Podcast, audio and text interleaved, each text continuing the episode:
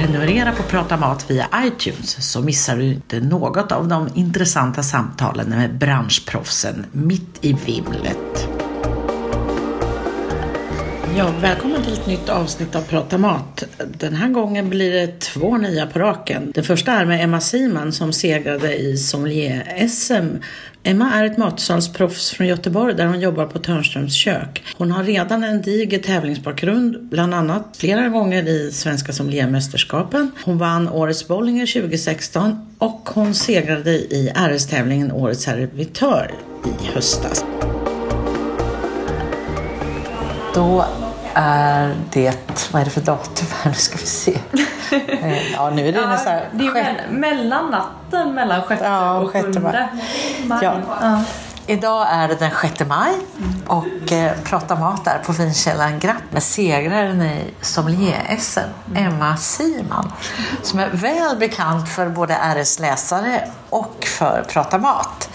För Emma Siman vann Årets servitör 2017 var även med och tävlade i Nordiska mästerskapen i våras, bara för sex veckor sedan. Och har gjort sitt, sin femte tävling i sommelier-SM. Idag så bara sprang du rakt vidare till finalen och vann.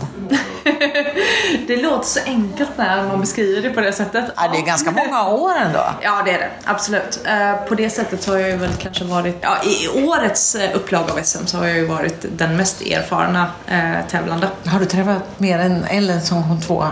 Eh, ja, eh, eh, gjorde väl sitt tredje år om jag inte missminner mig. Men sen andra final. Precis, så hon har ju haft mer erfarenhet på de högre nivåerna än vad jag har haft. Och tredjeplatsen har Joakim som kom, han, det var hans, hans första tävling eller den andra kanske? Han ställde upp i Årets servitör. Så från det hållet så har han ju haft eh, lite erfarenhet. Men det var hans andra sommelier-SM. Förra året var han inne och bara kände lite på det och i år så, så kanske det var en lite mer seriös satsning. Vad, vad betyder det här att ha tävlat i, att ha tävlat överhuvudtaget? För det är en speciell kompetens i yrket. Förutom att ni har yrkeskunskapen så har tävlingserfarenheten. Så man kan tycka, det kan man vifta bort. Och vad är det för någonting? Jo men så är det ju absolut. Eh, Du är ju en speciell typ av personlighet som tilltalas av att utsätta dig för de här tävlingarna. Det är väldigt påfrestande. Det kräver extremt mycket tid och engagemang innan. Och det kräver en extrem stresstålighet och eh, också ett prövande av ditt självförtroende under dagen. Eh, Så att det är ju det, det är en väldigt jobbig upplevelse samtidigt som det är väldigt givande när det väl går bra och det är väldigt kul när man märker att det faktiskt funkar. Men eh, Ja, du beskrev det själv som Ja. en kick. Ja, ja, men absolut. Nej, men det är en enorm kick. Så är det ju. Eh, jag tror att överlag så är det nog faktiskt så att om du väl pressar dig själv som person och gör de här lite jobbiga sakerna så ger det ju väldigt mycket tillbaka. Så egentligen tävlar man inte mot andra utan mot sig själv. Ja, mycket. Så är det ju. Och sen så är det ju det, jag menar just när det kommer till sommeliervärlden så är det en liten eh, klick med människor som gör det fler gånger. Det är smalare än servitör. Kan man säga så eller? Nja, det är nog ungefär samma. Men eh, man lär ju känna de som håller på. Vilket gör att också att man får ju väldigt mycket vänner och väldigt mycket kontakter eh, med samma intressen och samma kompetenser som en själv. Ska vi titta på klockan? Nu är hon kvart i tolv. Det har varit några timmar av avkoppling här kan man säga. I alla fall tre Ja. kanske. Ja, ja, absolut. Avkoppling är nog definitivt den rätta beskrivningen. Så, och ni började, när började de teoretiska Ja, alltså- proverna idag? Klockan åtta? Ja, det gjorde de. Så vi hade ju samling halv, halv åtta. Vilket innebar att jag tror att de flesta av oss var väl uppe vid femsnåret. Eh, Det man gör innan tävling är väl kanske att försöka komma igång. Eh, Dels vakna ordentligt, få i sig lite kaffe, kanske köra en blindprovning eller två. Är det sant? En blindprovning?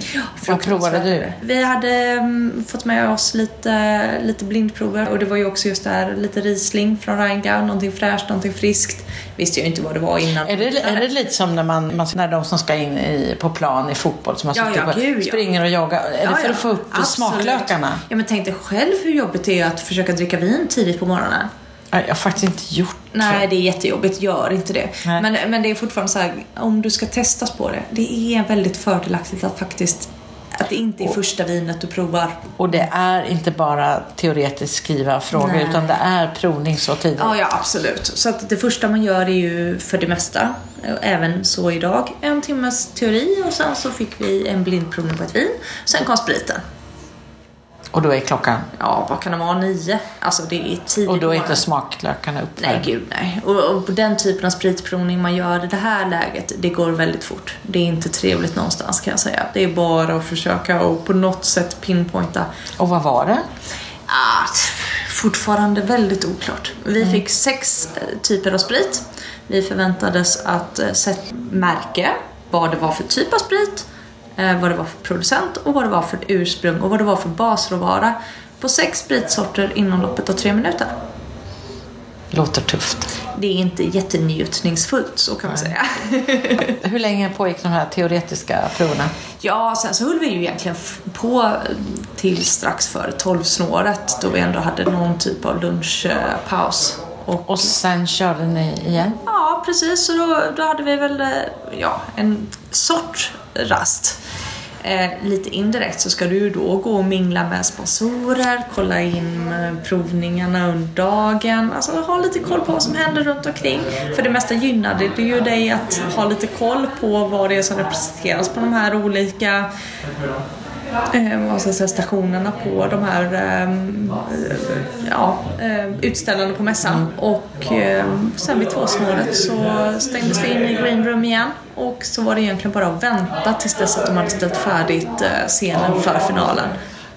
Och så fick ni stå där och vänta och bli Ja, det är ju värsta delen på hela dagen. Men du, hur pass eh, var dina egna odds på dig själv att du skulle gå vidare till final? Ah, Alltså grejen är att jag vet ju att det gick bra. Men man vet ju också att man gjorde misstag. Eh, För du hade inte så mycket tid på att träna för det här eftersom Nej, nej, du var nej. nyss var i NM. Precis. Det här var ju på sätt och vis eh, ett år där jag kände att det får bli lite som det blir. Jag kommer ge det allt. Men jag har inte jättemånga veckor att förbereda mig på.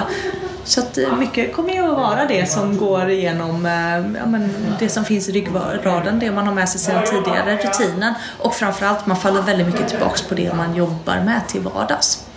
Så när du insåg att du var i final, hur kändes Ja, jo men det är som lättnad. För mm, det? Det var ett mål. Det var ett mål, absolut. Topp tre var ett mål. Men eh, man får ju också försöka någonstans att öva lite grann på det här tänket att man får lämna det lite öppet. Man får se... Eh, man, man gör sitt bästa. Och sen så inser man det att eh, de andra som, stä, som ställer upp och tävlar, de, de kan ju vara extremt kompetenta och göra en bättre ifrån sig än vad man själv gör. Och hur tyckte du uppgifterna i finalen var?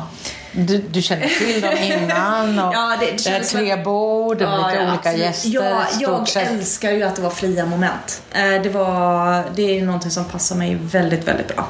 Vad är det fria i det här då? Ja, det fria i det är ju det att du får ju en tidsram eh, och du får uppgifter, men du får ju själv fördela tiden. Jag tycker inte att jag själv är särskilt stark i de här uppgifterna där det är så här, ja men du har tre minuter på dig att göra det här.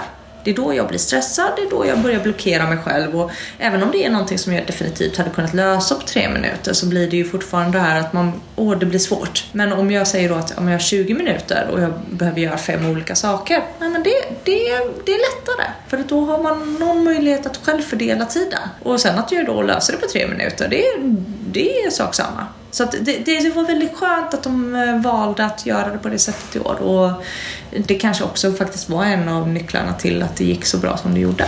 Och vad var svårast där på scenen? Om man tar det här första med de här tre grupperna av gäster. Det som var svårast var väl kanske lite det att eh, mise en placen eller uppställningen av redskap och viner och utrustning och så vidare. Den, den kanske inte var helt komplett. Och det var ju en del av uppgiften så det var ju som det skulle vara. Men Man ska här- ta lite, man tager vad man har och kan lösa. Precis, man ska lösa det på, något, på något bra sätt. Just det här att de tvingade en att improvisera lite grann. Och i en tävlingssituation så är ju det eh, rätt så stressigt. Gästerna efterfrågade en årgång som inte fanns. Ja, precis. Då gäller att se att det inte var den. Att Ja, komma ja, ihåg ja, det. ja. Och det är också en sån här grej att man kommer säga åh ja, men det är ju mitt misstag, förlåt. Eh, ni vill ju ha en 2015, jag har 2014 eh, tillgängligt. Och så går man tillbaka och så inser man det finns bara 2014 här. Ja, ja, det är ju bara att gå tillbaks och liksom säga nej jag har nog sålt slut på 2015. Skulle du kunna förklara skillnaden mellan de två årgångarna? Alltså det, det där är väl också en del av eh, vår yrkesroll. Man kan höfta in det mesta. Eh, jag får nog helt ärligt säga att jag kanske inte är helt 100% säker på skillnaden mellan 2015 och 2014 i Chianti. Men du kan ju generellt sett ändå göra kvalificerade gissningar. Och i sådana här lägen kan du producenten, ja då kommer du väldigt långt. Men sen kom den här quizen. Ja, som, vi som satt i publiken, det känns så hur många moment kan de ta? Det var Mm. eh, vinregioner i Bourgogne från norr till söder, det var vinregioner i Spanien, Mm. det var vinproducenter, det var etiketter, vilken konstnär hade gjort vad. Eh, nej men det är så här, du är medveten om att Picasso har gjort en viss årgång av Mouton Rothschilds eh, etikett. Hur såg han ut när han var 20? Ja. Alltså så här, det, det, det, för mig som är ansiktsblind är det, där, det, det är en total mardröm. Men hur klarar du då att eh, identifiera vinproducenter som Nej, man får ju, man får ju, man får ju försöka Vet du hur det gick där för dig? Ja, inte exakt. Alltså så de gick ju igenom svaren efteråt men det är fortfarande sådär, man är ju, man är ju lite stressad när man svarar, man, man, man försöker så gott man kan. Men vad händer nu? Nu är du med i landslaget, svenska Ja. sommelierlandslaget. Ja, ja visst. Så att nu eh, så kommer ju nästa mål att vara ett nordiskt mästerskap i Oslo i september. Jag kommer ju också åka till Beijing i oktober om jag inte missminner mig. Eh, finputsning, finslipning. Eh, jag menar, jag, nu är det ju ändå rimligt. Jag menar, jag har en hel sommar på mig att eh, försöka dels landa i det här men också att eh, börja sätta nya mål och också få lite stöttning då från det här nya teamet som jag faktiskt får tillgång till. Och vad känner du där? Det finns en psykolog. Vad vill du få hjälp med? Åh, psykologen är ju jättekul. Han, jag satt bredvid honom på middagen dessutom. Han är väldigt trevlig. Um, nej, men det, det handlar ju väldigt mycket om det här. Jag skulle säga faktiskt också att kunna hantera motgångar. Ehm, men också just det här att ta fram de bästa sidorna av sig själv och tro på sig själv.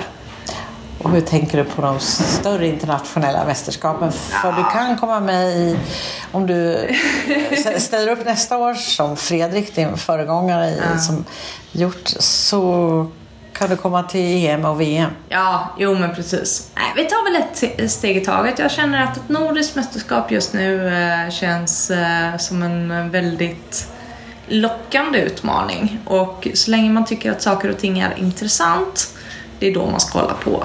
Eh, så får vi väl se. Jag menar, eh, går det bra där då, då stänger jag inga dörrar men jag tänker inte hålla på och snegla längre fram än det just nu. Mm. får jag gratulera igen och önska dig lycka till. Så, och så ses vi på restauranggalan Årets servitör, hoppas jag. På ett eller annat sätt. Ja men det gör vi ju, definitivt. Ja. ja tack så mycket. Tack.